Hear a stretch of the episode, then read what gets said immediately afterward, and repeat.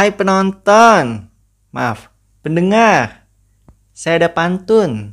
Dengar ya. Lagi enak makan tahu isi. Tiba-tiba kesambar geledek.